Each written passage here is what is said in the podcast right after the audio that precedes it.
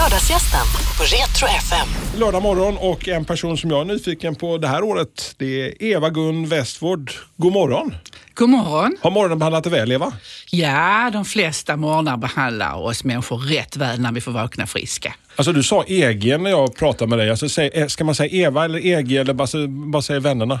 Jag är bekväm med EG därför att eh, det här är från när jag blev polis i den här manliga organisationen där alla var pågar. Och det var CG och BG och PG. Det- Och som ett försök att passa in och Ja. bli accepterad så sa jag, då vill jag heta EG.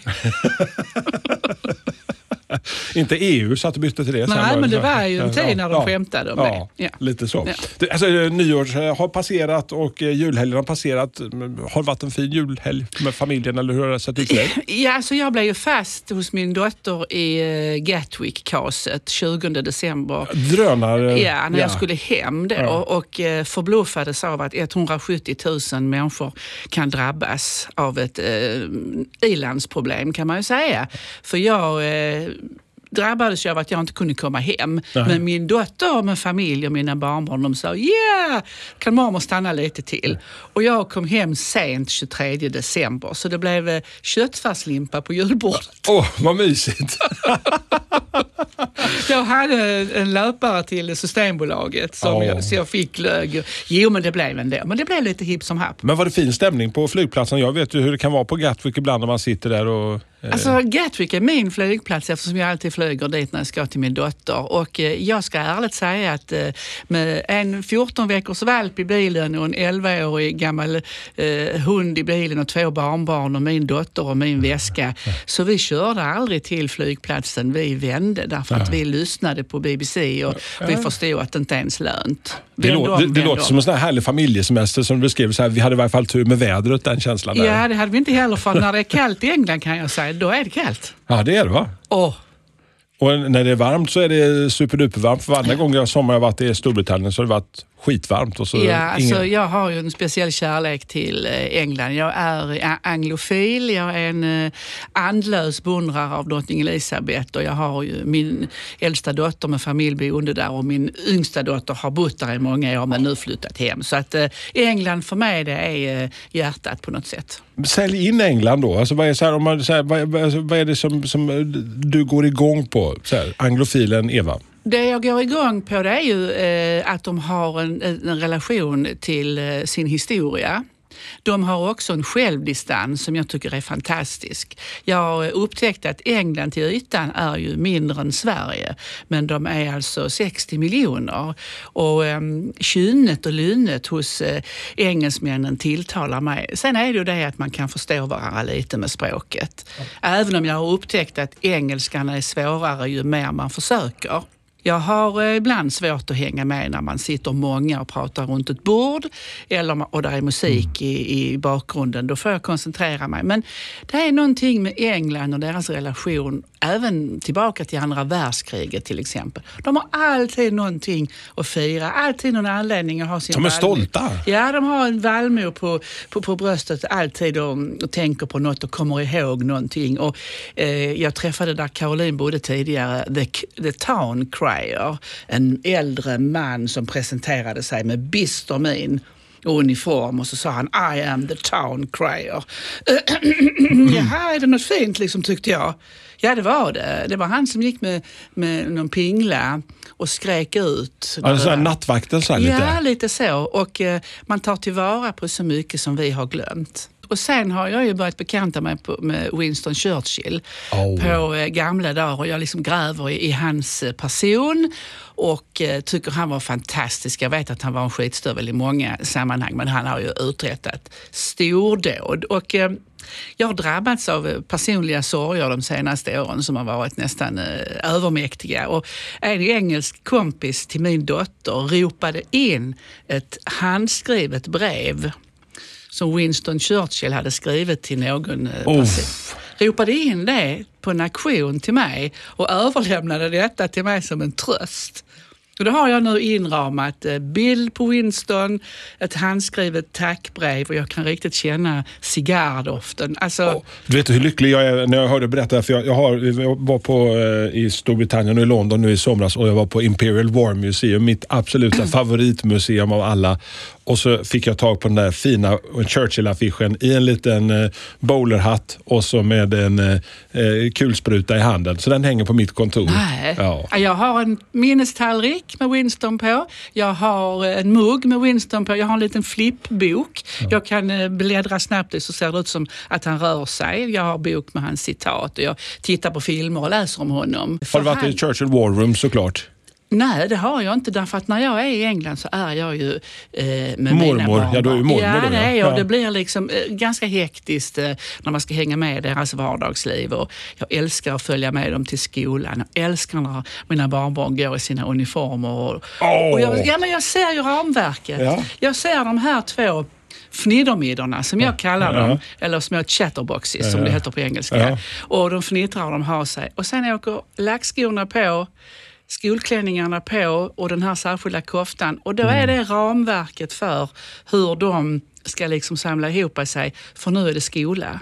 Och så går man till skolan och där står rektorn och tar emot dem och de tilltalar inga lärare med förnamn, de vet inte vad de heter i Det förnamn. är Mr och Mrs. och- Yes box och jag vet inte, det finns en, en stilla charm i det som jag ser att eh, det håller samman, det håller ihop och det sätter ett ramverk till våra små barn. Hade det funkat tror du i Sverige? Alltså ibland så tänker jag, ibland man sitter så här och tittar på framförallt då filmer som man får se då och uppleva det här.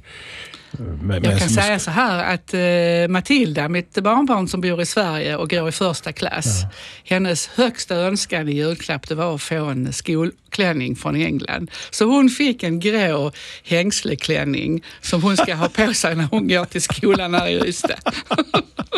Det är ju alldeles fantastiskt. Ja, det är det. Men det är nytt år, så här, så vad, vad, vad har 2019 i sitt sköte för dig Eva? Vad, vad, vad väntar du dig av det här året? Ingenting. Härligt.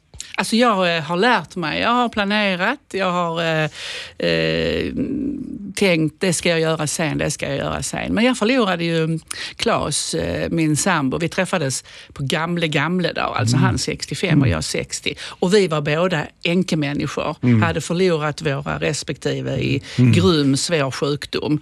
Sörjt och sörjde fortfarande. Efter tre år så eh, träffades vi av en händelse, jag och Claes. Och vi fick några år tillsammans. Han föll ner och dog. eh, Knall och fall där. Ja, i princip kan man säga eh, i juni 2017. Ja. Och det är ju så att det hade inte vi planerat. Vi hade planerat någonting helt annat. Vi hade planerat för ett långt liv tillsammans. Jag hade lovat att gå i pension och vi hade, hade, vi hade liksom sagt eh, ny hund kanske. Vi kanske ska köpa husbil eller någonting. Ja. Ingenting blir som man har tänkt sig. Man ska bara gripa dagen och njuta av den här idag ja, Eva. Ja, jag har ju, man kan säga så här att den 17 januari ska jag åka till Kanarieöarna om det bär sig. Ja. Om, om, eh, eh, så. Jag brukar säga så här, ja, jag tror det när jag ser det. Men jag planerar ingenting. Lite försiktigt klart, men Inga nyårslöften. Nej, det har jag slutat med för länge sedan. Men Har du haft något, vilket var ditt bästa nyårslöften när du fortfarande gav sådana? Precis som alla andra. Nu ska jag börja träna Ja. och jag ska bruka allvar. Ja. Been there, done it. Lite på den viset. Alltså, jag, jag tänker att det har varit ett rätt besvärligt år, sista åren för ordningsmakten. Jag, Ja. Om du fick sätta dig i positionen och vara statsminister för en dag eller för ett år och styra upp det där så lite grann från ovan. Vad skulle du vilja ha till ordningsmakten? Det är alltid lätt att sitta på läktaren och säga vad man ska Exakt. göra. Det får vi göra nu, Eva. Ja, så är det. Så är det. Ja. Och det är klart, skulle jag eh, få bli statsminister så tror jag att jag skulle försöka ta ett grabbatag i eh, olika gränssättningar. Hur vi, eh, jag tycker vi har blivit eh, för gränslösa i vårt samhälle. Man behöver ett ramverk och man behöver historia, man behöver tradition, men man behöver också förmågan att se framåt. Jag skulle vilja lära ta ett grabbatag om eh, den eh, uppväxande generationen och, och lära de föräldraskap, vad det innebär att leva med andra människor. Jag tittar fortfarande på, på England. 60 miljoner på den ytan, vi är 10 här. Alltså vi borde göra bättre ifrån oss. Hur svårt kan det vara? Ja, så tänker jag lite grann och så tänker jag lite grann på den svenska eh, osäkerheten som vi har. Den ena dagen ska vi si, den andra dagen ska vi så. Den ena dagen så här gör vi i Sverige, nästa dag så här gör vi inte i Sverige. Mm. Och man är... eh, Det måste vara väldigt gränslös. förvirrande om man kommer ja, som... jag, ja, jag känner nog det. Sen känner jag nog också att eh, i, i politiken, jag är otroligt samhällsintresserad. Mm. Otroligt politiskt intresserad. Följer, läser och hänger med. Det kan jag inte längre för jag tycker att de, det är för fransigt i kanterna. Ja. Och vi då som poliser, vi jobbar ju alltid mitt emellan. Vi jobbar alltid på människors bakgårdar. Vi jobbar alltid med det sämsta hos människorna. Därför så är det en önskan hos mig, det är att alla politiker skulle egentligen låsas in. Från vänster till höger. Och så skulle vi säga att nu får ni inte komma, nu får ni inte komma ut förrän vi, har, eh, vi ser att ni kan uppföra er väl. För de som är längst ut till vänster och längst ut till höger, de hör inte hur lika de är. Nej. Och de ser det inte heller. Och därför så känner jag att eh, här behövs ett riktigt nappatag. Vi är, skulle vi alla nakna i bastun liksom på ja, något sätt va? Ja, in med dem i eh, ett utrymme Ja. och så får de sitta där och, och komma överens och sen släpper vi ut dem när de är snälla. Det blir många trägubbar i Snickerboa. ja, men jag är lite besviken på eh, Ja. hur man hanterar det förtroendet som man har när man är politiker. Och när det gäller polisen då, inte bara klaga på att vi har inte resurser, inte bara klaga på att vi inte är tillräckligt många, utan eh, vi är ganska många. Vi har en läxa att göra när det gäller hur vi hanterar eh, det förtroende som vi har. Vi är inte alltid världsbäst på det. Om man eh, tänker på jobbet när du började 74, Mm. var 19 och ett halvt år gammal, kliver ut från eh, fullständigt eh, eh, öppen för hela världen. Hur har världen ändrat sig i polisvärlden när du började Eva? Ja, det, Fram är till en, idag? eh, det är ju en total eh, alltså makeover, det kan man ju säga. Jag kom till en organisation som var skapad för män av män, punkt slut. Och eh, att politiker hade bestämt att det skulle in fruntimmer i organisationen. So what? Man bjöd till med armbågen där lite så. Ja, så det var ju... Man ska veta det att stora politiska beslut kräver att man eh, gör en undersökning och att man tar hand om de beslut man har fattat. För alla beslut drabbar i slutändan en enskild människa. Ja. Och jag kom från Borby. Nu skulle jag förändra världen. För polis, det skulle jag bli. Så var det bara. Och jag eh, måste säga, polisen är min stora kärlek. Men eh, vi har också eh, fört en ojämn kamp. Men var det ett kall liksom? Eller så att Ja, det var det är ditt mission kall. på det är något vis? kall. Det är en mission. Hjälpa, skydda, ställa till rätta. Det, är liksom, det var polisens valspråk då och värdegrund. Nu har vi något annat. Men, men hjälpa, skydda, ställa till rätta. Det tycker jag det är fint. Sen har jag en annan tanke och det är det här med att tjäna. Jag tycker Det är ju något fint ju. Jag tycker det är väldigt fint att tjäna och jag har diskuterat det med många, bland annat min, min kära Claes. Han kunde inte förstå hur jag kunde tycka det var fint. Att han tyckte att tjäna det var att passa upp. Och det tycker inte jag. Jag tycker att tjäna det gör man. Man tjänar sitt land, man tjänar sin arbetsgivare, man tjänar sin eh, äkta hälft, man tjänar sina barn, man tjänar sina föräldrar. Man kan göra det på olika sätt genom att eh, eh, bjuda in andra människor till exempel och lära, utbilda, utveckla. Man kan tjäna genom att hjälpa någon i behov. Jag sa till min kära Claes när han bytte knän, titta här, nu tjänar jag dig. Ah, jag förstår inte riktigt vad du menar. Tänk efter. Nästa gång är det jag som behöver och då tjänar du mig. Alltså, Ja. Jag gillar det här eh, ordet att tjäna. Jag tycker det ligger otroligt mycket positivt i det. Ja, det är verkligen inte någonting. Och jag menar, alla de som tjänar vårt rike utanför FN-tjänst eller Absolut. eh, vad de än är, Absolut. så gör de ju någonting för någon annan. Jag har tjänat mitt land en gång eh, riktigt, riktigt fint. Och det är någonting som jag kommer resten av mitt liv att leva med och vara jättestolt. Vad tänker du på då? Jag tänker på Libanon-krisen 2006 Okej. när jag ingick i Räddningsverkets, MSBs, Oh. nationella stödstyrka. Var någonstans i Libanon var du då? I Beirut. I Beirut. Uff. Och då var det ju den här sommaren, den heta sommaren Mm. när det var lugnt i landet och man fick eh, åka dit till sitt hemland på besök och allting var frid och fröjd nästan och så blev det inbördeskrig. Mm. Och hela världen kom ju till undsättning med den största evakueringsinsatsen sedan andra världskriget. Och där var jag med i det, vi skickades från Sverige. Och vi skickades till Cypern för vi skulle ta emot de som kastades ut från Libanon. Men kriget tog ju sån fart så vi var 22 personer och 11 av oss skickades rakt in i Beirut. Och då tänkte jag så här när de pekade på mig. För vi fick ju frågan ja eller nej. Är det en läkare med? En av Sveriges skickligaste traumakirurger, Louis Rides från eh, Stockholms Karolinska eh, institut, han var med och då tänkte jag, är Louis med, då åker vi. Så vi åkte in i Beirut och eh, jag fick vara med och evakuera, hjälpa människor som behövde fort komma ut. Det slog mig när jag gjorde FN-tjänst i Libanon 1987, precis emellan eh, inbördeskrigen och krigen då på 80-talet. Och det som slog mig när jag eh, hade varit där ett halvår, det var att människor som har väldigt lite och som har eh, sjukt jobbigt, Alltså vilken livsglädje och vi, alltså, man kan vara lycklig på väldigt lite Ja. och, och, på den biten. Och vi var inte så skickliga för vi hade ingen skyddsutrustning och, vi hade inte, och jag var inte polis och jag var inte beväpnad på Nej. något sätt och vi hade dåligt med mat och dåligt med dricka. Och eh, jag vet någon taxichaufför som kom med något libanesiskt bröd som de hade brett någon sörja på, olja och kryddor. Det var så gott så jag fortfarande kan minnas hur det var och jag är eh, otroligt glad för libanesisk mat fast jag knappt fick smaka på den. Eh, Men idag äter jag gärna libanesisk mat om jag kan. Om du ställer dig och lagar mat själva, Eva, vad är din paradrätt när ungarna kommer hem och hälsar på på sommaren? Allt med kyckling. Kyckling! Jag är, kyckling. Jag är kycklingfantast.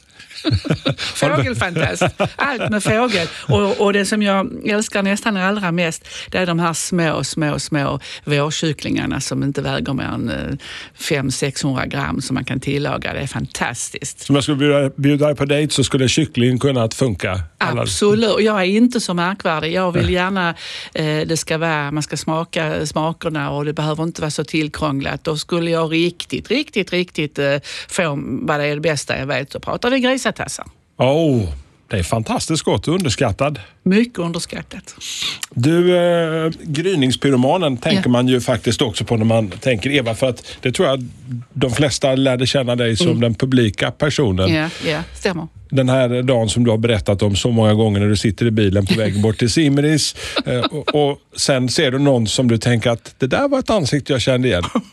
Jag vet du har berättat den hundra gånger, Ja. men berätta den en gång till. Eva. Nej, det var inget konstigt. Hela Simrishamn brann. Alltså ja. en morgon och på flera ställen. Och eh, man ringer liksom och eh, skickar ut order. Och till mig så sa de, kör till Simrishamn, kör fort.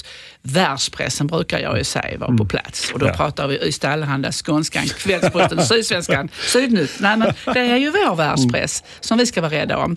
Och jag eh, har ju den egenskapen att jag tänker till, ibland lite eh, oöverlagt och ibland, eh, ja.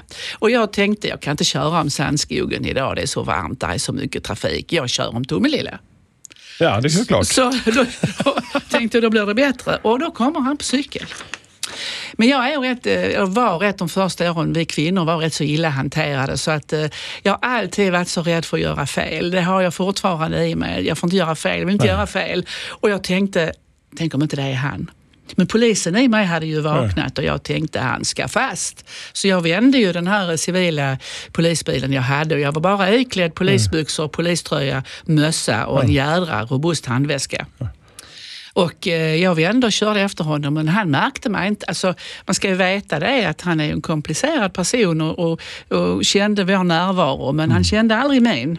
Och jag skrek efter hjälp i min mobiltelefon och det tog lång tid men jag fick en målad polisbil till min hjälp sen och han kunde omhändertas. Ja.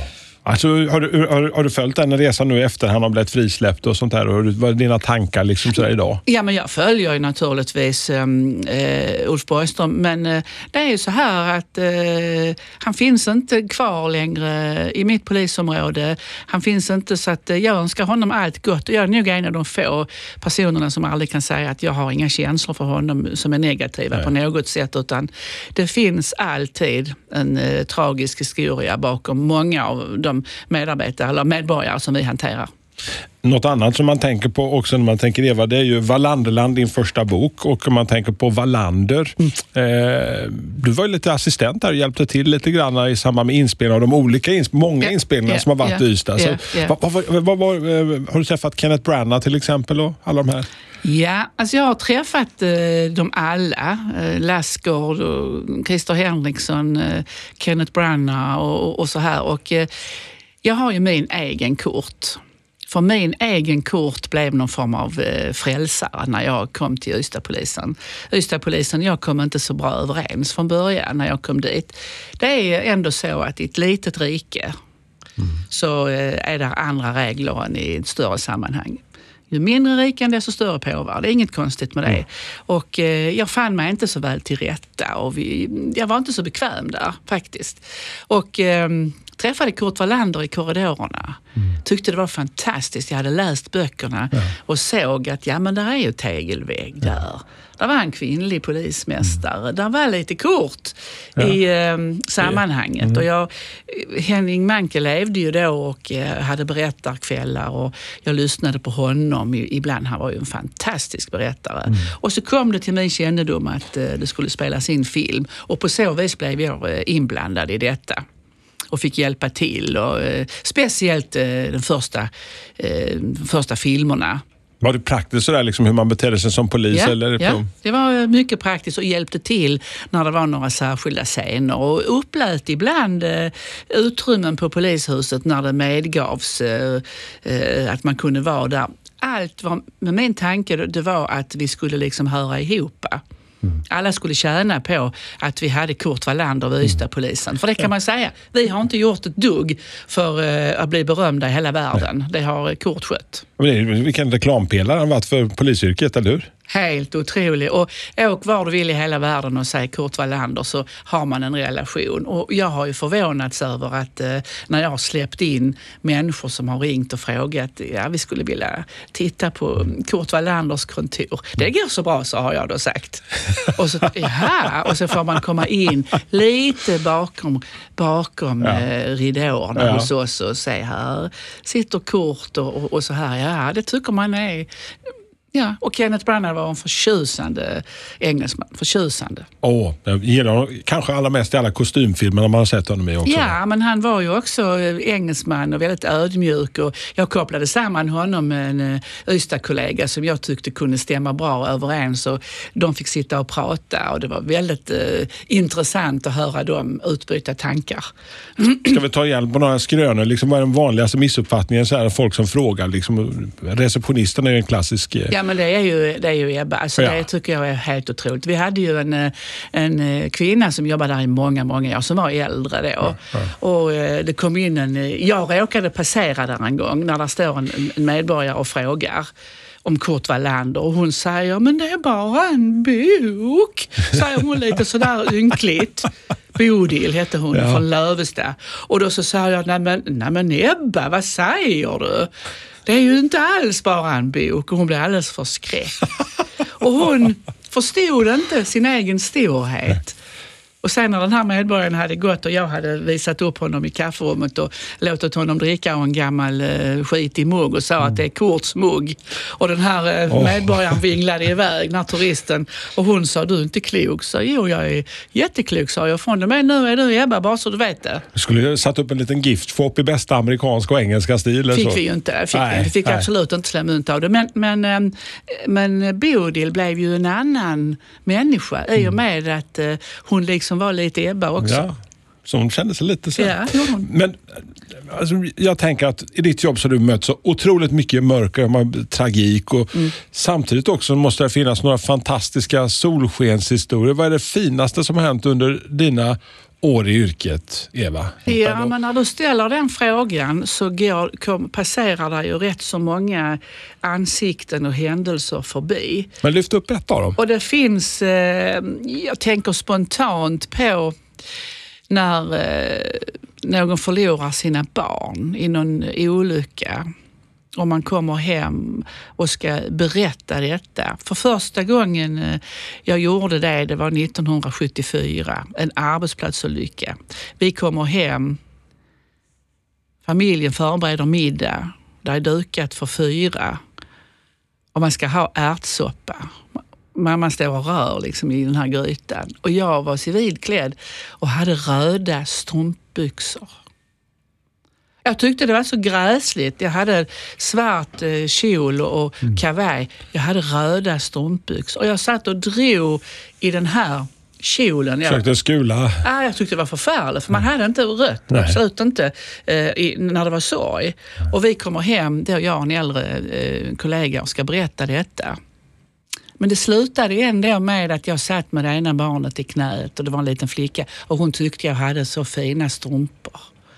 Så då var du glad för dem där? Ja, alltså jag glömmer aldrig just det här men jag kan heller aldrig äta ärtsoppa utan att tänka på detta. Det är i och för sig ingen solskenshistoria så men solskenshistorier, det är alltid barn inblandade om man får en kram eller man blir bekräftad som polis av ett litet barn. För vi vuxna, vi, eh, vi har det som vi har det ibland. Värmer lite gott i hjärtat där.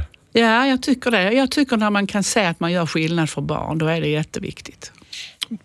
Bland alla de mörka grejerna så finns det ju också rätt så mycket knäppa människor du har stött på genom åren.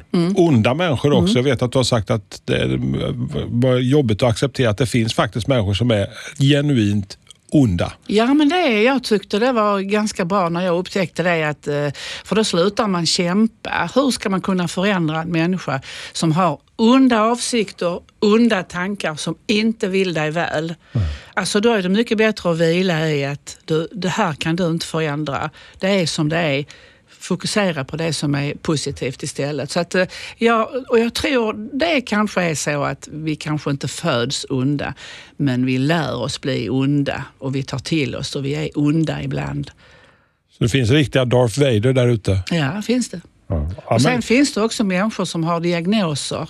Människor som, som har diagnoser som inte är så lätt att, styra och som inte är så lätt att upptäcka heller du, jag sitter och eh, funderar lite grann på vad Eva gör en bra dag när hon är ledig. När hon har en helt Eva-dag som inte innefattar vare sig barnbarn eller något andra obligations. Vad, vad skulle du eh, innefatta i en Eva-dag? Då, då tittar jag till vänster i, i den stora dubbelsängen och där ligger Allan. Ja. som är min soldat, som är min Jack Russell terrier. Som, eh, min syster hon såg ju när Claes gick bort att eh, jag repade mig inte eh, riktigt så, utan det var så tungt allting. Och jag hade två gamla Jack Russell-damer och de eh, gick också över på andra sidan. Det var, det var liksom dags. Och då hade hon hört talas om Allan som behövde omplaceras. Han passade inte riktigt in i familjen som han bodde i och behövde en ny ägare. Så hon kom resolut till mig och sa du ska ta hand om Allan. Nej, det ska jag inte, sa jag, för jag kan inte ta hand om mig själv. Men nu är det bestämt, sa hon, så att eh, här är han. Och Allan är då en eh, Jack Russell som nu blir fyra år i mars och han och jag lever så gott tillsammans. Och eh, en riktigt bra dag. Då ligger han och sover och så tittar han lite och sen går jag ner och så gör jag min eh, latte. Äter mina specialimporterade Rich Tea Biscuits från England. Åh. Yes. Och så dricker jag kaffe till sängen där och sedan så eh, kollar jag nyheter, eh, kanske lyssnar på Beethoven, sätter på play där och så, Youtube på den stora TVn och så. Sen så småningom tänker jag, ja, då är det väl dags. Ja. Och då är det Allan som ska ha eh, lång promenad. Vad är favoritrundan? Har du någon runda? Ja, alltså där finns ju Sandskogen i Ystad, Ja. magiskt. Det är inte så himla märkvärdigt, men där finns ett utegym och där finns slinga. Trean, femman eller milen. Och så går man där. Där doftar fint, där är en hackspett, där är lite rådjur ibland. Är det isande kallt och blåser så är det alltid lite lugnare i Sandskogen. Då går jag dit. Sen är det ju roligt att eh, inhandla och sen så lagar jag gärna mat och dricker ett glas vin och lagar en god kopp kaffe på min nya lilla kaffemaskin. Ja. Det är inte, jag, alltså, jag har märkt det att jag, jag kräver inte så mycket. De små tingen. Ja, jag kräver inte så mycket, men det vill jag ha. Jag är lite snobbig när det gäller bröd och när det gäller kaffe. Ja, men det visst. Alltså, man, jag tänker så, jag tänker så här, ska man missbruka någonting så tänkte du också, så jag skaffade också kaffemaskin för ett antal år sedan och det är också så här, åh, springa och handla lite bönor. Jag beställde bönor från Rom nu här förleden. Ja, men det liksom. är rätt mysigt att tänka så här, åh, vad ska jag ha för sorts kaffe idag? Och jag blandar jag ihop äh, färgerna på kapslar och så. Ja, ja. Men, men vad gör det? Ja, jag tror jag tar röd idag. Och, så, så, och sen så blir det, ja, och sen så puttrar det så gott i maskinen. Och man behöver faktiskt inte, Nej. inte mer. Sen finns det mm, tillfällen när man eh, ska vara i de större sammanhangen och eh, det är också roligt. Fantastisk kärlek till eh, klassisk musik, det vet jag. Vi andra som köper ståplats eller eh, årskort på mm, Malmö stadion. Du köper årskort på, till MSO. Ja, jag älskar Malmö symfoniorkester och de slutar aldrig att överraska mig. Ja, det, vad, är, vad är den bästa konserten du har varit på där nere?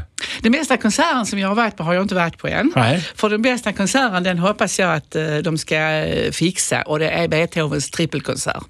Okej. Eh, Men då behöver man ha en skicklig cellist, en skicklig pianist och en skicklig violinist. Och sen så låter man Beethoven, alltså den är fantastisk. Men den bästa eh, konserten, det var första gången jag hörde Beethovens pianokonsert nummer fem. Pianokonserten som kallas för Kejsarkonserten. Ja, Och den vackert. är fantastisk. Den kan jag lyssna till sju dagar i veckan och jag bara njuter. Det är den bästa som jag vet. Men nu i februari så kommer Beethovens violinkonsert till Malmö Live och då är det så att då får jag väl ta lugnande innan. Så får du sätta dig på... Har du din fasta plats? Eller? Har min plats på rad 10 och jag kan säga när Beethovens violinkonsert, så är det någon som ha- hostar eller harklar så vet jag inte vad jag gör för då. Då drar du upp din Sig Sauer och säger att Du, sitt ner. Vi hade ju, vi hade ju eh, en eh, incident där. eh, Det oprovocerade 1900 läktarvåldet. i, i, i när det uppstod brytningar och, och så. Men, men, men den, den ser jag fram emot nu, verkligen. Verkligen. Var du på den konserten där uppe? Alltså vi ska då, för de lyssnare som inte känner till det, var någon som satt och prasslade väldigt mycket med, med godispåsen och till sist så rann det över. Mm. Ja. Var du på den konserten? Nej, jag var inte på det, men jag skrev ju en krönika om det i Kvällsposten. eh, Ja, just det. Eh, gjorde jag därför att min fantasi sattes i rörelse. Däremot var jag där torsdagen efter. Och jag lovar dig, det var inte en harkling, inte en prassel, inte alla satt som tända ljus. Och jag måste säga, det var fantastiskt. Eh, oanade talanger, har du några sådana Eva? Ja, jag kan skriva eh, på... Jag är vänsterhänt, men eh, det var inte så populärt när jag gick i småskolan. Så jag hade en slöjdlärare som tvingade mig att sy med vänster hand. Men min eh, lärare i, i svenska lärde mig att skriva med höger. Så jag kan hålla en penna, en i höger och en i vänster hand och skriva åt varsitt håll samtidigt. Alltså vilken simultankapacitet Ja, men Eva. jag har en bra simultanförmåga. Det har jag. jag. Jag hör och säger allt. Och min mor hon sa alltid att du, du är så förvirrad så det kommer att gå dig galet. Men du, så här, till sist tänker jag att du ska få välja en låt som du skulle kunna lyssna på på autorepeat 24 timmar om dygnet. Bara en enda låt som fortfarande betyder någonting för dig. Det kan vara var som helst ifrån ungdomen eller som fortfarande du känner att mm, den kan jag lyssna på. Ja, men det, det är ju eh, Beethovens kejsarkonsert. Naturligtvis så, eh, början på andra satsen. Men det är, det är för enkelt. Nej, det här är lite eh, humörbetingat och så.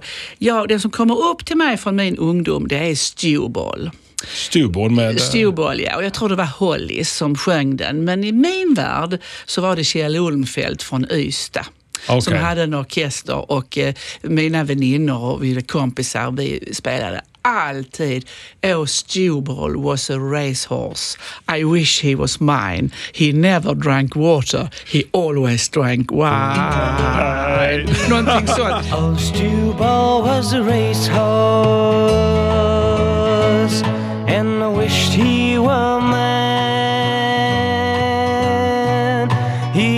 never drank water. He always drank wine.